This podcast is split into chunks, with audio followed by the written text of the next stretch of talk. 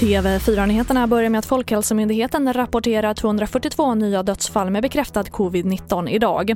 Och därmed har 11 247 personer i Sverige mist livet i smittan. Och 95 fall av den muterade virusvarianten har upptäckts i Sverige. Det sa myndigheten på sin presskonferens för en stund sedan som du kan se på tv4.se. Och regeringen förlänger avrådan från icke nödvändiga resor till länder utanför EU till den 15 april. Avrådan sträcker sig alltså över både sport och påskloven. Här har vi utrikesminister Ann Linde. UD följer även noga utvecklingen och bedömer fortsatt det osäkra läget när det gäller globalt resande. Därför så förlänger vi nu avrådan från icke nödvändiga resor utanför EU, EES och Schengen till och med den 15 april 2021.